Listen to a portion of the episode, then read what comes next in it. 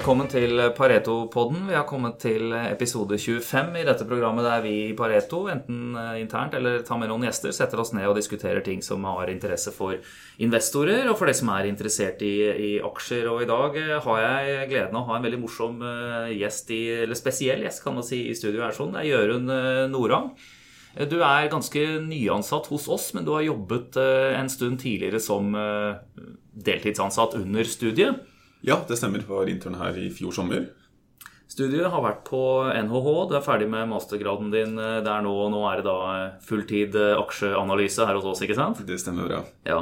Men grunnen til at du er her, er at du sammen med en medstudent som må få sitt navn også opplest Han kunne ikke være her i dag, dessverre. Fredrik Røsland Augustsson. Ja, det er Fridrik, faktisk. Det er viktig å påpeke ja, det. Vi får ta det. Fridrik Augustsson. Røsland Augustsson har eh, publisert en, eh, en masterthesis som da har fått eh, masteroppgave, som har fått en del oppmerksomhet i media. Det var jo flere av de norske store avisene som hadde dette her på, på forsiden forrige uke.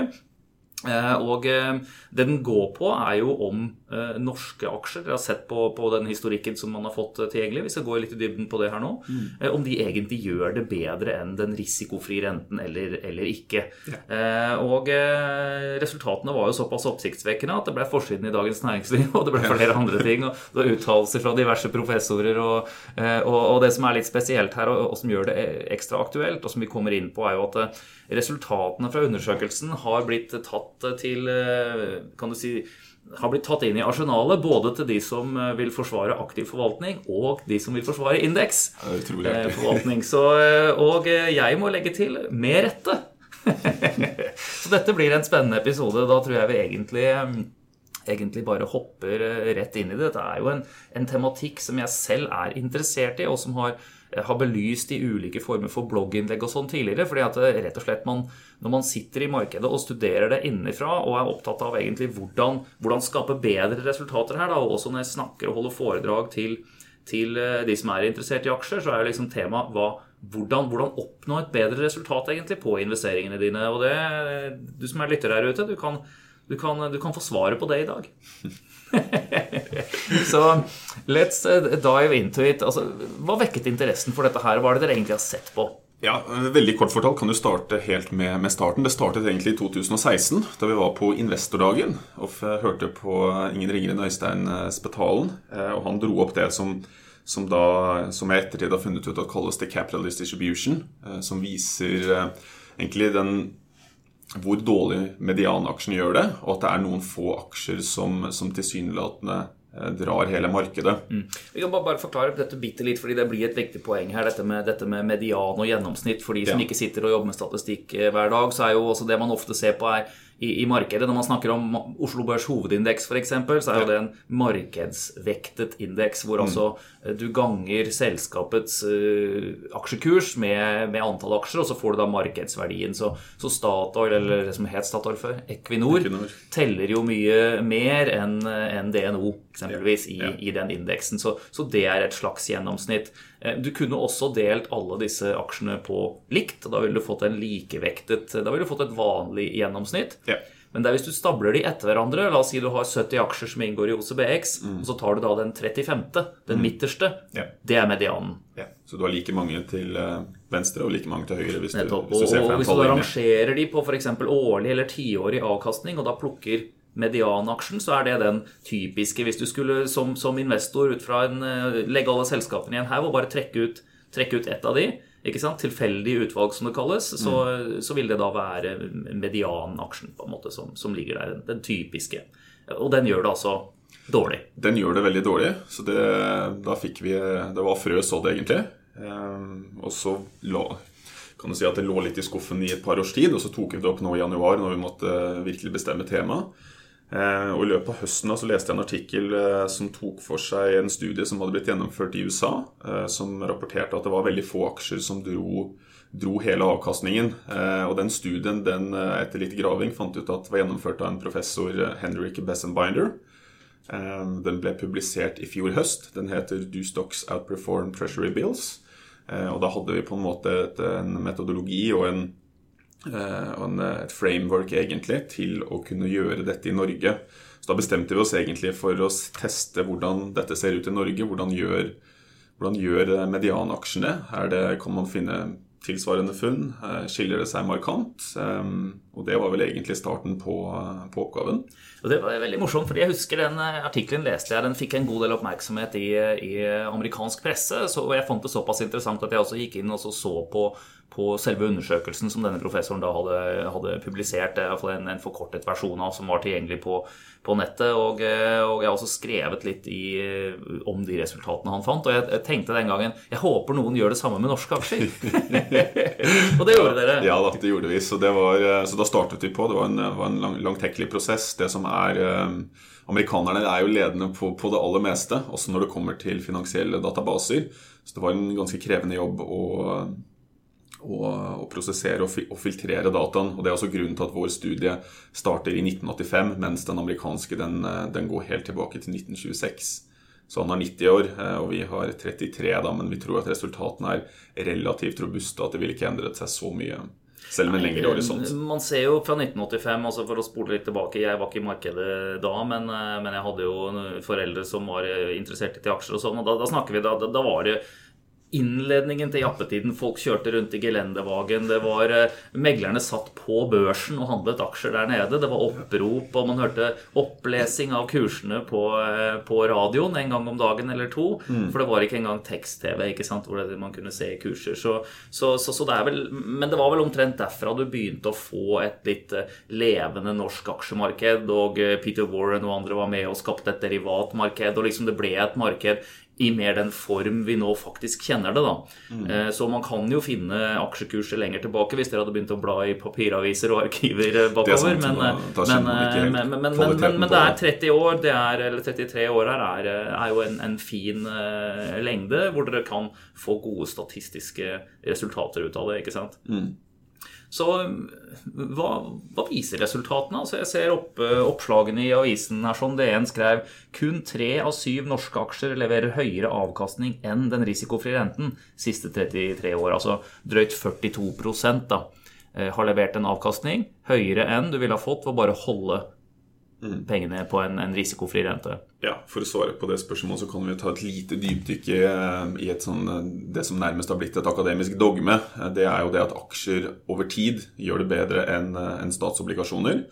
Og der har du utrolig mye dokumentasjon. Du har, du har jo 'Triumph of an Optimist', som er kanskje den store referanseboka på som viser at over tid så gir aksjer en, en bedre eh, avkastning enn eh, en obligasjoner. Det henvises ofte til det som kalles the equity risk premium, altså premiumen du får ved, mm. å, ved å investere i aksjer. Da tåler du disse svingningene, rett og slett. Ja, så Finansteorien da sier jo det at siden aksjer er mer, mer risikabelt, eh, og med risikabelt så menes det egentlig at de faller mer i uh, bad times of the economy, altså hvor mm. du setter ekstra stor pris på pengene. Hvis du f.eks. får en resesjon og du står i fare for å miste jobben, eller, uh, eller du må ta en lønnsreduksjon osv., så, videre, så har plutselig verdien av penger en del mer. Så altså Den marginale nytten av penger blir mye høyere. og for å investere i produkter eller i, instrumenter som gjør det dårlig i den type states uh, of the economy, så krever du en premium. Da. Det er det teorien sier. Um, og av, det er jo andre grunner òg, pga. dette med diversifisering er så um, det er jo, De henviser jo det til, til, at det skal være den eneste freelunchen i, i finans. Ja, Vi altså, kommer kan... tilbake til det med at diversifisering, ja. altså risikospredning, å ha mange aksjer i porteføljen og den ja. type ting, det, det, det, er et viktig tema som vi kommer tilbake ja. til på, på, dette her. Men, ja. Så alt det man hører om når aksjer stiger, så er jo det alltid på aggregerte nivåer. Og så er det veldig veldig få som har egentlig tatt seg jobben med å, titte litt bak og si men hvem er det som bidrar til disse røftlig mellom 8 til 10 prosentene da, som aksjer over tid har gitt? Ja, for det har man sett Hvis man ser på til markedet. jeg har også sett på både lange amerikanske tidsserier og en masse andre markeder, og, og dette rundt ca. 10% liksom, langsiktig avkastning er jo det du ofte ja. ender opp med i uh, give or take uh, ettersom hvilken periode man ser på litt ja. frem og tilbake med markedene. Men, men, men, det er ofte der man sånn, som tommelfingerregel kan si at, at aksjer må, må klare å gi 10 mm. Hva med den risikofrie renta? Den har jo også svingt mye og egentlig vært på en nedtrend i denne 30-årsperioden. Men, men hva har dere brukt som som Ja. risikofri rente der? Akkurat renten er jo ufattelig interessant. Det kan man kjøre mange, mange podkaster på i seg selv. Du har jo hatt egentlig strukturelt fallende renter siden, siden det toppa i 81 i USA. I hvert fall da tiåringen i USA gikk vel, gikk vel noe over 16% så, så Sånn vi har approksimert den risikofrie renten, er ved å bruke noe altså Vi prøvde å finne det aller minst risikable aktivumet, en norsk investor, eller en investor som primært opererer i Norge, og som, har, på en måte, som er kronebasert, kun investert i. Og det er noe som heter tre måneders statskasseveksel. Og Det er utstedt av den norske stat, eh, og det er ikke kuponger, så du har ingen, du har ingen, ingen, eh, ingen renterisiko, altså ingen reinvesteringsrisiko. Så du tar jo hele tiden og, og ruller disse, disse tremånederspapirene. Um, og det er jo selvfølgelig, i og med at det er norske stat som utsteder det, så er det jo av aller, aller høyeste kvalitet. Så, men for alle praktiske formål så er liksom det, det, det vil eh, tilsvare omtrent det å ha en høyrentekonto i en bank, liksom, hvis en skulle, skulle ha vært en investor det i er en veldig denne fin måte å si det på. Mm, mm, mm. Det Og så- si det har vi vel eh, satt- sett bort ifra her eh, effekter som, som skatt, eh, og den type ting. Ikke sant? Det blir veldig vanskelig å se på det over lang tid. Men her har man, her har man antatt da at man ikke betaler skatt av rentene og ikke av aksjegevinstene, og egentlig Ja, det er sett på det den, den rene avkastningen til, til selve instrumentet, altså Ja. over tid. kan si at Objektive oppgaven vår har egentlig vært å se på det på et litt mer normativt eh, nivå. Og, og dermed har ikke transaksjonskostnader og dine andre praktikaliteter har ikke blitt tatt med. Da. Eh, rett og slett fordi at det, da, da hadde vi på en måte vist, vist litt andre ting. Eh, så selvfølgelig, Men for en investor som faktisk skal investere, så, så er jo det hensyn som må tas. Så ok, nå sitter man her. Man har en, en lang tidsserie på Mm. eh, renten. Man har en lang tidsserie på aksjer. Eh, hvor mange aksjer cirka var det dere har sett på i denne 33-årsperioden? Det var 737 aksjer som var fordelt på 673 selskaper. Så det vil si at noen selskaper utsteder jo flere aksjer. Du har f.eks. Schibsted har jo en A- og B-aksje. Orkela på et tidspunkt hadde, hadde to aksje, aksjeklasser. Så det er flere selskaper som, som har det. Will Wilhelmsen Holding Holding har jo en A- og B-aksje. Så det gjør at antall aksjer er høyere enn antall selskaper. Og selskaper har kommet, det har blitt børsnotert. Det har vært eh, ja, for flere grunner selskaper kan komme på børs. Det har blitt splittet ut. Det har blitt, eh, og det er vel egentlig stort sett det som har har gjort det, har tilført nye selskaper, finansiert opp. Um, og så har noen selskaper forsvunnet. Det har vært oppkjøp, ikke sant? det har vært eh, konkurser. eh, det har vært andre ting som gjør at selskaper blir eh, tatt av børs. Ja, det er ganske interessant. Igjen Hvis jeg refererer til medianselskapet, så har det vært på børs i ca. seks år. Så det ser at medianlevetiden til en, til en aksje, den er ikke veldig lang. da. Um. Nei. Eh, og, eh, så det, det sitter man og ser på. Så sitter man også og sammenligner dette her for å se hva, hva du ville ha eh, Hvilke resultater du kan forvente som investor når du kjøper deg inn i dette her. Og da har du jo en, enten så kan du eie hele markedet, eller så kan du eie biter av det. ikke sant? Og det er jo her det begynner å bli interessant. Det er helt sant. Så, så in short, det vi fant, var jo rett og slett at en vanlig aksje, en medianaksje, tenderer til å gjøre det fryktelig dårlig. Det er noen få aksjer som gjør det utrolig bra. Og de aksjene som gjør det utrolig bra, det gjør det så bra at de eh, alene, tilnærmet alene, drar hele markedet. Eh, Så det gjør Hvis du klarer å få med deg én vinneraksje satt på spissen, så kan du godt ha ni taperaksjer, for eh, bidraget fra vinneraksjen er så stort at det offsetter altså, eh, alle tapene fra de ni, i tillegg til å gi deg en ganske, ganske god profitt. Ja, for det, det var sto også i dette DN, eh, eller det, det valgte de å fokusere på eh, fra Dagens Næringsliv, er at det var vel 18 store selskaper av alle disse over 700 selskapene som på en måte kunne forklare, eller som sto for, da, hvis du summerte det, Ja. nesten hele den eh, verdiskapning eller meravkastningen som hadde vært i, i, disse, i denne perioden. Det er sant. Bare en liten, liten forklaring til det begrepet. For det kan være, når du leser en nyhetsartikkel, litt vanskelig å få, å få grep på. Eh, for det er noe som eh, eh, professor Bessebinder kaller wealth creation, altså verdiskaping. Og i Norge så fant vi ut at det var skapt ca. 2000 milliarder norske kroner. De tallene er inflasjonsjustert. Sånn at bidrag som kom i 1986, de har blitt skalert. Da, sånn at eh, det ikke blir en, en veldig tilt mot, mot de senere årene. Inflasjonen var jo som sagt ganske høy på, Ja, ja. på store deler av eh, 80-tallet.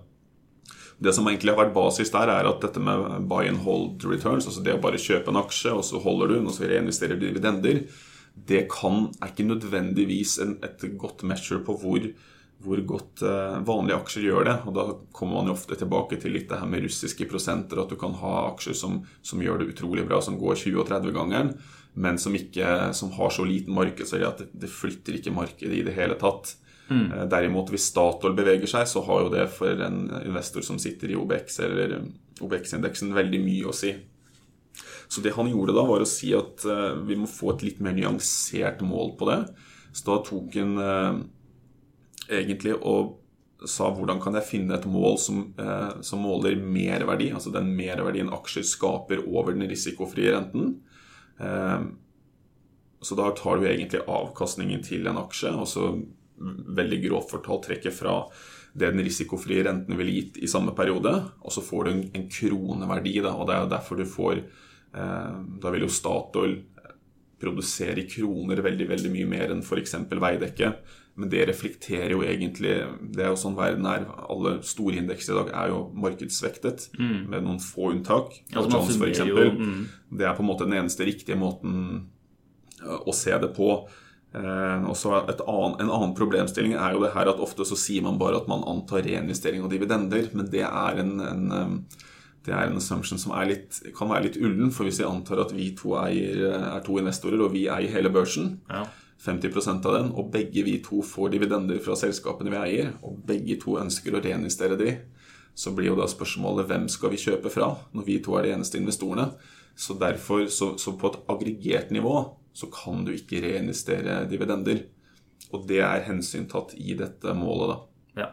Det er interessant. Jeg må jo si at vi, vi er jo et selskap eh, Pareto her sånn, med mange som er interessert i aksjer, og mange som er langsiktige deltakere i dette markedet. Så, mm. så det har jo vært livlige diskusjoner. Eh, om, om, denne tematikken her sånn, og med matematikken eh, i det bakenforliggende frem og tilbake. Og en betraktning jeg vil legge til, kanskje, er at når vi snakker om verdiskapning her sånn, så snakker vi om for en investor av å eie aksjen. Altså om den har ja. gått opp, ikke sant? og om det har vært et større oppgang enn det du ville fått å sitte i den risikofrie renten. Det er klart, Dette er store selskaper som også i denne perioden har sysselsatt tusenvis av personer. Eh, de har, Selskapet har betalt masse skatt inn til samfunnet. Alle de ansatte har betalt masse skatt. De har igjen kjøpt masse varer og tjenester. Så du kan si ringvirkningseffektene av, av eh, børsen her, sånn, eller av, det, av, den verdiskapningen, aktivitet som har skjedd i selskapene, ja. kan jo være langt, langt høyere. Definitivt. Men det vi ser på her sånn, er jo, eller er selvfølgelig langt, langt høyere mange ganger. Mm. Men eh, det vi ser på her, er liksom som investor, finansiell investor, sitte og eie dette her. ikke sant, hva hvordan slår det ut? Ja, så satt på spissen, Hvis du hadde vært en investor som eide hele markedet, så ville du ha fått ca. 2 billioner kroner mer ved å investere i aksjer enn ved å bare ha penger i banken. Så det viser jo at over tid så tenderer aksjemarkedet Billioner, tusen, tusen milliarder. Tusen ja. milliarder. blant blander jeg billions og, ja, ja, ja, ikke sant? Så, si to, så det, det, er store summer. Det, det er store summer, 2000 milliarder norske kroner, for å være helt korrekt. Og Det oppsiktsvekkende er jo at det da kommer fra egentlig den, mesteparten av den summen mm. kommer fra et ganske lite eh, utvalg selskaper som da har gjort det uproporsjonalt bra, mens den store underskogen av selskaper, mange av de, av det store antallet, Eh, egentlig da har levert litt subpar. ikke sant? Ja, og det er veldig sant. Ja. Eh, kan du si at det er ca. 45% av selskapene som over sin levetid produserer altså positiv, altså sånn positiv wealth creation. Mm. Eh, og så er det egentlig litt hvordan det her det measure er strukturert, og som gjør at du kan av disse 2000 milliardene som er skapt, så kan du forklare det med 18 selskaper, men det er jo fortsatt røftlig 280 selskaper som også over sin levetid har produsert positiv avkastning. Så det er ikke, så selvfølgelig kan være litt tabloid å si at det er 18, eh, men det er de store som, som, virkelig har dratt det. Så det er egentlig bare en måte å, å mm. illustrere at aksjemarkedssuksess er veldig konsentrert. Ja, Tar man prosentene på det, så, så blir jo altså de, som DN skrev, tre av syv eh, har levert høyere avkastning enn en risikofri renten. Det er jo grovt altså regnet da om 42 ja. Så, så, så, mindre enn halvparten, men røftlig sånn rundt 40 mm. Eh, har, har levert en avkastning som vil være bedre enn å, enn å sitte i en risikofri rente. Eh, på hvilken måte skiller disse det dere fant, altså resultatene, skiller det seg noe særlig fra de amerikanske i den enda større og lengre undersøkelsen der? Ja, Det var noe av det kanskje det mest interessante på et litt sånn aggregert nivå. At resultatene vi fikk, var forbausende like. Eh, langs nesten alle dimensjoner, altså til og med på, på koeffisientnivå. Altså, vi kjørte en del statistiske analyser, eh, og selve tallene, f.eks. gjennomsnittsavkastningen på, på, månedlig og på årlig basis, var, var veldig, veldig like. Og det syns vi var eh, Si, vi syns jo det var litt oppsiktsvekkende selv, og det gir jo egentlig ganske sterke implikasjoner til at aksjemarkedet Altså at du har fanget et strukturelt trekk ved aksjemarkedet. Det er selvfølgelig altfor tidlig å, å, være bombastisk der, men, men, eh, men, empirien basert på det norske og det amerikanske aksjemarkedet var ganske, ganske entydig. Og spesielt interessant er det jo det amerikanske markedet er jo fryktelig stort. Det er det dypeste. Du har de beste, beste dataene, og de beste selskapene er jo i, i, stor grad i USA.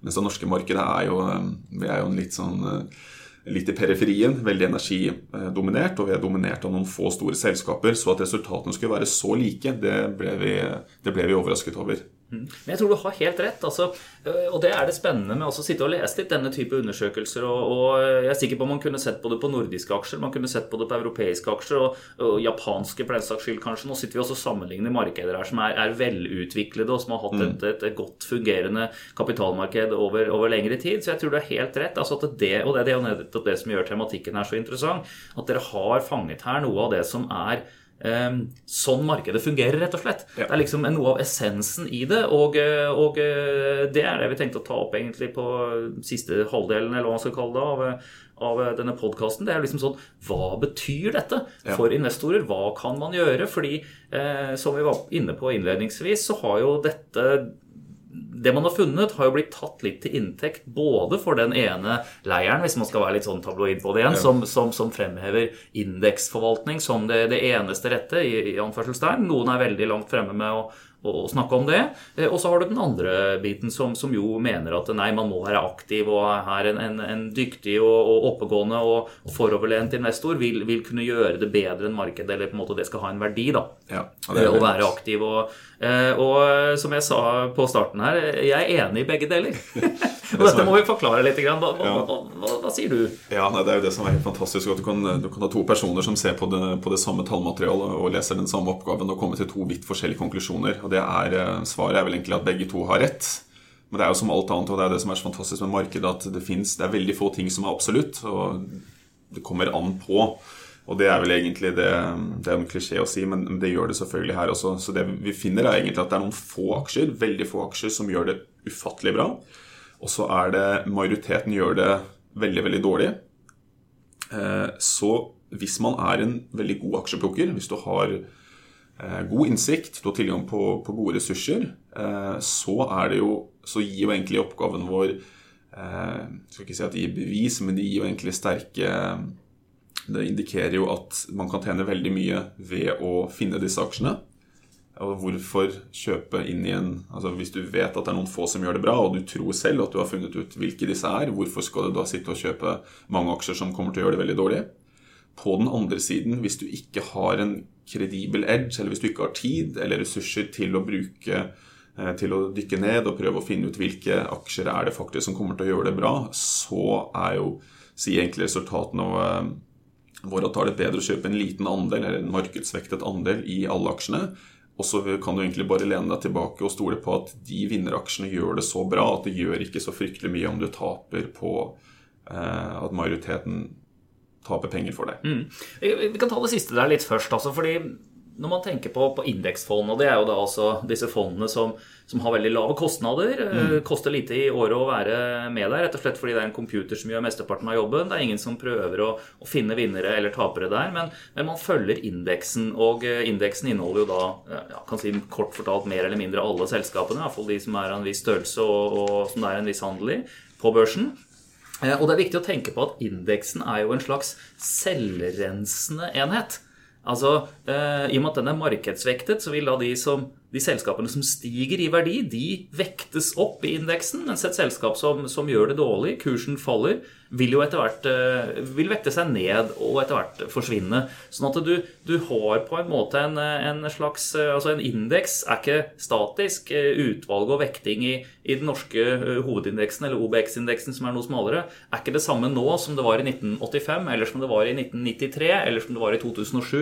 Ja, og det... Ikke sant? Og, det, men, men, og ved å investere i indeks, så er du med på og, og, og følge vinnerne, og mens taperne for, forsvinner av seg selv. på sett og vis. Veldig godt poeng. Hvis du tar det her i USA, så var vel median levetiden til aksje, en aksje syv år. Hvis du tar på Dow, Jones nå kan det godt være at det er feil, så lurer jeg på om det eneste selskapet som var med der på starten av 1900-tallet, det er General Electric. Så det er jo helt sant det du sier, at det er at det er at At indeksforvaltning vil jo på en måte gjøre en viktig jobb for deg. Da trenger du ikke å tenke på denne seleksjonen. Eh, det er jo egentlig nesten bare algoritmestyrt. Og dette er jo egentlig ikke noe, noe, noe, nytt. altså Det må jo være det samme for det er sikkert mange fotballsupportere der ute. Det er det samme som også, også heier på et lag, ikke sant? i stedet for å heie på et statisk, fast lagoppsett. Ja. Fordi det vil være nye ferske som kommer til å gjøre det kjempebra, og så vil det være gamle stjerner som forsvinner. Ja, det, og det er veldig sant. Det du ser i aksjemarkedet, en, en litt sånn um, halvflåsete analogi, er jo du kan se på det som et lotteri, hvor du kjøper Hvor det er noen lodd som gir deg en veldig, veldig god eh, Som gir deg egentlig lottogevinsten og så vil du tape på de aller fleste. Så, så, en investor som ikke har mye tid, bør jo egentlig bare kjøpe en liten andel i alle loddene. Og så vet du at når du vinner, da, så vil du ha en forventa positiv avkastning. Og det er jo eh, må det være eneste lotteri i verden da, som, som, gir deg en positiv forventet avkastning. Mm. Dette er jo litt, ja, det, og det er interessant. og Det er, eh, det er, det er klart at det, det, å kjøpe aksjer det er, eh, det er fornuftig gitt det har positiv forventet avkastning. Mens å kjøpe en lotteriticket eller eh, for den saks skyld Norsk Tipping De betaler jo bare ut halvparten av pengene de tar inn i gevinster, så det har jo altså en negativ forventet avkastning på rundt 50 ja. Så det, er en interessant sak i seg selv. Men, men den øvelsen du nevnte nå, den er litt teoretisk. ikke sant? Fordi at skulle du ha kjøpt en én eh, av hver aksje på børsen, eller en lik kronemengde på det, da, så ville det medført veldig høye transaksjonskostnader. Det, men, det men, men, det fins, i hvert fall de større markedene, så fins det jo også fond som gjør dette for deg, hvor du kan velge å ha et i stedet for å ha tradisjonelt indeksfond som er markedsverdivektet, så fins det likevektede fond. Ja. Eh, og eh, det er en lang diskusjon, vi får spare det til en annen gang, på hva som er best eller dårligst av, av det. Og jeg kan vel røpe bare at juryen er på gangen og ja. kommer an på hvilken tidsperiode du ser på. men ja. Men i bunn og grunn, du, det ene valget, det å kjøpe bredden, det å kjøpe indeks, eh, det kan man si at det har, eh, og det viser undersøkelsen deres, teoretisk forankring. Det gir god, et godt resultat. Så det er ett av valgene man har. Ønsker du å være passiv i markedet? Ja, det er lurt. Ja, så det er jo, Da kan vi jo dra frem Ben Graham, eh, verdiinvestorenes far, som sier at det å få en, en, god avkastning i aksjemarkedet det er lettere enn folk tror. Og da, nå det, tenkte vel ikke han på indeksinvestering tilbake på 30- eller 40-tallet, eh, men det er jo det man har i dag. Det å få en god avkastning er lettere enn det folk tror. Og det å få en, en veldig veldig god avkastning det er vanskeligere enn folk tror. da. Og det viser jo det at må, da må du, For å få den avkastningen så må du treffe veldig godt, godt, med aksjene. Det er fullt mulig, og det er mange som, mange som klarer det, men det er også veldig vanskelig. Mm. Jeg må jo si det, jeg har jo deltatt i diskusjonen på, på, nett og sosiale medier og alt mulig om, om indeksfond og aktiv forvaltning og dette her, og, og, jeg tror mange tolker meg som en veldig stor forsvarer av, av aktiv forvaltning. Og eh, jeg vil si ja, men også av indeks. Eh, jeg syns eh, å handle selv i den grad man har handlet, eh, indeksprodukter, både indeks futures Eh, og indeksfond, men da gjerne ETF-er. Mm. Og det er klart at det å, å, sitte langsiktig, og hvis man skal være langsiktig fondsinvestor og ikke egentlig har noe spesiell mening om, om, eh, hva man tror vil gjøre det bra, eller om investeringsstrategier eller regioner eller hva det måtte være, så er indeks et godt valg. Mm. Og det fins en økende andel av den type fond som er billig og lett tilgjengelig. Eh, eneste jeg syns eh, er eh, ankepunktet med det, er at det er kjedelig. Men det er fordi jeg er spesielt interessert i, ja. i aksjer. Så, men la oss si ok, vi, vi, kan konstatere at det er én av veiene som fører til saligheten. Det er da å ligge i, i ulike former for brede indekser. Men så begynner jo det interessante, da. ikke sant? Og det er jo det som for så vidt kanskje når vårt hovedpublikum er, de som faktisk er interessert i aksjer. Ja. Og det er å se på da ulike måter og og også gjøre det godt på. For du vet at eh, Skulle du valgt helt tilfeldig og hatt en apekatt som man jo mange ganger har hatt, som, som kaster av dartpiler på et utvalg av, eh, på, på aksjelista, så vil du, du ha et, eh, en sjanse for å gjøre det dårligere enn den risikofrie renten, faktisk. Ja. Med det utvalget du, du, du, ender opp med, hvis du da skal velge et visst antall aksjer. Og jeg må skyte inn her at temaet jeg har tatt opp før i blogginnlegg, er jo det er to ting. Det ene er at folk har for få aksjer. Du har et for lite utvalg. Og jo mindre utvalget vil være her, jo større er jo sjansen for at du ender opp med en portefølje som, som er blant de kan du si, 60% aksjene som gjør det dårligere enn den risikofrie renten. Ja. Eh, og eh, så, så, så, det å ha for konsentrert portefølje, altså for lav diversifisering, er en fare. Eh, og det andre temaet som er vanskeligere å kvantifisere, da, det er jo at folk har en tendens til, eller mange uerfarne investorer da kan man si, har en tendens til systematisk å velge feil type aksjer. Ja. Eh, for du kjøper ikke de store, trauste, ordentlige og modne industriselskapene eller banker, eh, industriselskaper, den type handelsselskaper. Man har en tendens til å kjøpe de som har mer action, store svingninger og den type ting. Og der, der, i det området du vil finne noen av de absolutte vinnerne, men der finner du vel, vil jeg nesten si, en langt større prosent med de som virkelig over, over selskapets levetid vil ende opp uh, i grøfta. Ja, og det er et veldig interessant poeng. For Det som kan gå litt tapt når man sier at det er 18 selskaper som drar alt, er jo det at det er jo mange mindre selskaper som har gjort det fryktelig bra, og som ofte er mer relevante for for uh, mange investorer å se på. Uh, og det vi fant uh, ganske interessant, er at de selskapene som på en buy and hold, altså gitt at du bare kjøper aksjen og reinvesterer utbytter, har gjort det best, det er jo som du sier mange av de selskapene som ofte kan karakteriseres eller ofte karakteriseres som litt traustere. Der har du noe som heter NTS, altså det som tidligere var kjent som Namsos Trafikkselskap. Det er den aksjen som har gjort det best. Den hadde gitt deg 114 ganger gått 114 ganger. Det er ikke så ofte du ser overskrifter med NTS. Nei, og så på en god nummer to så har du Arendals Fossekompani.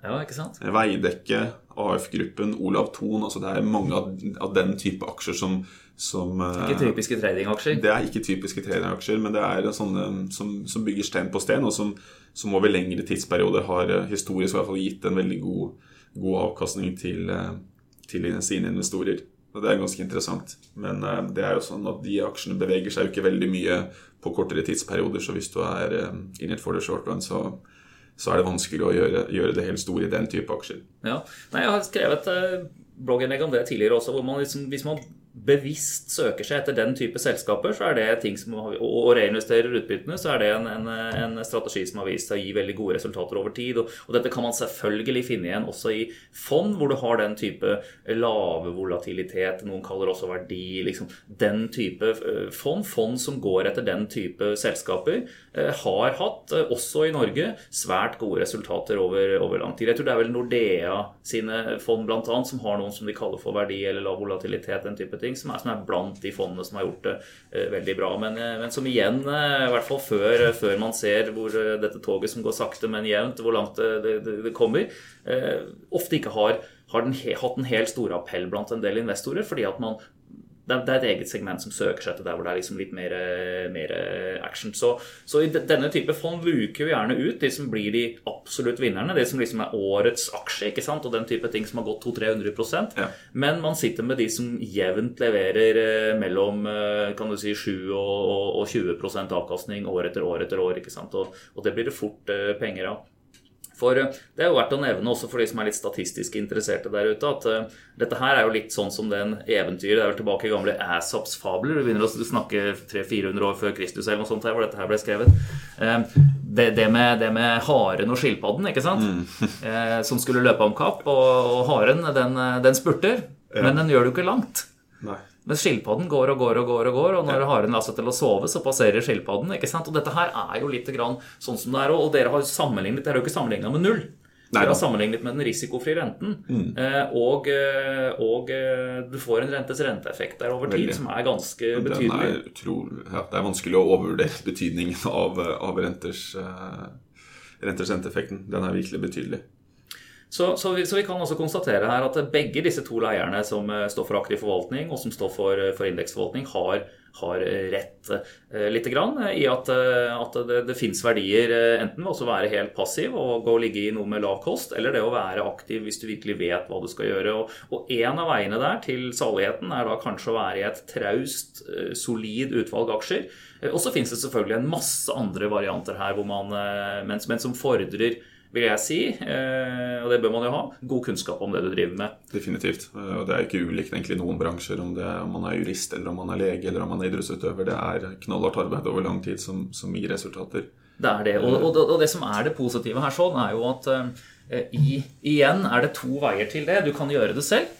Ja. som investor, eller du kan sette det bort. fordi her finnes det jo både på aktiv forvaltning, men mest tilgjengelig for folk flest, altså fond, aktivt forvaltede fond, som, eh, som, eh, kan gjøre det veldig bra og har gjort det bra over tid. Men da må man igjen ofte, syns jeg, da, og det er jo en da begynner vi å komme eh, noen lag ned i løken her, selvfølgelig. At man bør velge forvaltere som har vist at det de gjør over tid, har vært fornuftig. Som ikke Eh, og, som har en fleksibel vil jeg si, investeringsstrategi, sånn at man ikke binder seg til bare ett tema eller bare én eh, måte å se på, på, markedet på, med mindre den eh, er dynamisk. Men det, Dette får bli et tema for en, en senere podkast, men, men, det går altså an. Det er tre måter her. Du kan liksom enten velge indeks, du kan gjøre det selv med betydelig innsats, eller det å velge et traust utvalg, eller du kan sette bort pengene til, til gode, aktive forvaltere.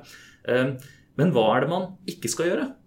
Hva er det som eh, gir et, ganske sikkert over tid vil gi et dårlig resultat? Det som gir et eller tilnærmet garantert et dårlig resultat, er hvis du velger aksjer uten å, å ha noe, noe greie på det.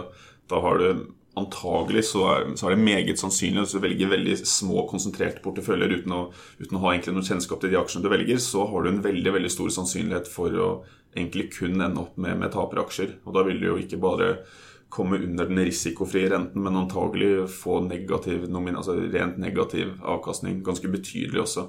Vi så jo at um, det var én av fem aksjer ga deg tap på mellom 100 til uh, minus 75% så jeg vil si at det er ganske betydelig. Da har du mistet nesten alt, alt du gikk inn med. Uh, så det er, det er vel en viktig implikasjon av studien, og der var resultatene veldig like både i Norge og USA. Dette her er, er interessant. Og, og, eh, dette er jo da en sterk oppfordring til de der ute. Vi ønsker jo ikke på noen måte, snarere tvert imot. Vi ønsker ikke å skremme folk ut av aksjemarkedet, men vi ønsker også opplyse litt om hva man må gjøre for å, å kunne manøvrere med suksess. rett og slett her. Og, og, og, man leser jo, og har jo sett det fra en masse annet tallmateriale som har blitt presentert for over, over tid, at, at den, for den typiske investor så er det jo nettopp den veien du nettopp nå skisserte. altså Typisk, det vil Si veldig mange da, ja. av de som prøver seg i markedet uten egentlig å ha tenkt seg godt om uh, først, uh, de, de, de, opplever å tape penger. Ja. Og det er vel kanskje det man da kunne forvente. Ja, det kan jo nesten altså, satt litt på spissen. altså Markedet er ikke Der er det domineres jo i stor grad av, av profesjonelle aktører. Altså, jeg ville aldri løpt 100 meter mot Usain Bolt og forstå intuitivt at det, det hadde aldri gått. Så, så det er selvfølgelig Skal man inn i markedet, så må man ha tid til å sette av til å faktisk kunne gjøre en god jobb. For det er ikke, man får ikke noe gratis der heller i likhet med egentlig alle andre bransjer. Så, så, det å gå inn uten å ha en, et mål om å gjøre ting skikkelig, det er egentlig det vi finner at det er veldig veldig risikabelt. Da er det som du sier mye bedre. Ut fra et rent statistisk synspunkt? Altså. Ja, ja da, selvfølgelig. selvfølgelig. Du skal ikke si eh, folk må, må få gjøre det, det, de vil selv. Men det å velge gode, gode aktive fond, eller sette det i indeksfond, eh, er jo veldig gode alternativ, det også. Men det er eh, Skal man bli god i noe, så må man sette av tid. Det er ikke aksjemarkedet. Intet unntak. Det er helt uh, sikkert uh, og sant. Det er veldig gode og kloke ord. Uh, og, det minner meg om et av mine favorittsitater fra, i, aksjemarkedet. Det er jo den kjente norske investoren Øystein Strauss Betalen som har sagt at i aksjemarkedet så er det sånn at de som de som ikke åpner øynene, må åpne lommeboka. Ja, det er, det er veldig sant. Så, men man skal på en måte, som vi sier, altså man skal ikke Aksjemarkedet har gitt to billioner norske kroner i, i merverdi over de siste 33 årene. Og det er ganske betydelige summer. Så det å, det å være i aksjemarkedet og spille det på en klok måte vil uh, ha historisk sett gitt, uh, gitt, en ganske betydelig meravkastning. Så man skal, uh, man skal ikke svartmale det på noen måte, men det er veldig viktig å være klar over over de underliggende dynamikkene, sånn at man kan, man kan gjøre ting på, på, en bedre måte og egentlig tilpasse produkter etter, etter egen risikotoleranse. Ja, kort fortalt. Ja, og jeg må jo si jeg er helt enig, så det, det, er, det, er, fristende å avslutte der. Men jeg må bare spørre om en ting til slutt. Har dere egentlig funnet noe annet her enn det man kan forvente? Er det noe som er uventet ved, dette, ved disse resultatene? Hvis man sitter og filosoferer litt på det. Det er jo en tid for det nå. Det blir mørkere ja. kvelder. Folk sitter foran peisen og kikker inn der. Og, uh, er det slik verden faktisk fungerer? Uh, drar man det tilbake til liksom før det fantes mennesker, nærmest. altså Du har et furutre i skogen, det detter ned en masse kongler der. sånn, Se på konglene som alle de nye selskapene. Det er ikke mange av de som blir et nytt tre.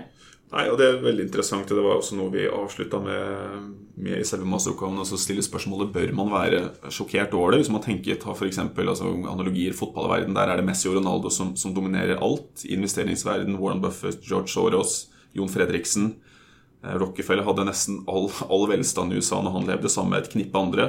Google, Microsoft, Apple er bare ufattelig suksessfulle. Ja, kraftige lysene på investeringshimmelen, ikke sant? Men Ja. så, og, og så fader de, og så kommer et nytt. Ja, så, så at man har en konsentrasjon, at suksess er konsentrert, at du har det winner takes roll, er egentlig rundt oss, egentlig overalt, eller i veldig mange, i veldig mange eh, sammenhenger. Så at det også gjenspeiles i aksjemarkedet, bør man kanskje, som du sier, ikke være så, så overrasket over eh, in the end, egentlig.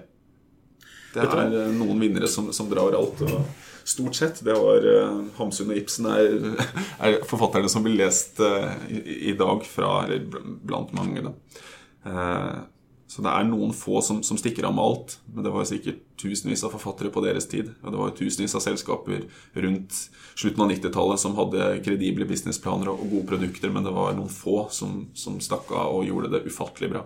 Og blitt blant verdens største selskaper. Så nei, men dette var bra. Jeg syns vi fikk eh, belyst temaet kjempegodt. Dette ble en bra podkast. Og for lytteren der ute, hvis dere også liker dette her, ta Lik det gjerne, omtal og del i sosiale medier. Vi, er, eh, vi syns dette her er, eh, er gøy, og håper flere syns det også. Så skal det bli mye spennende å snakke om fremover. Men jeg tror denne episode 25 kommer til å stå som et sånt høydepunkt eh, så langt. Tusen takk. Takk skal du det.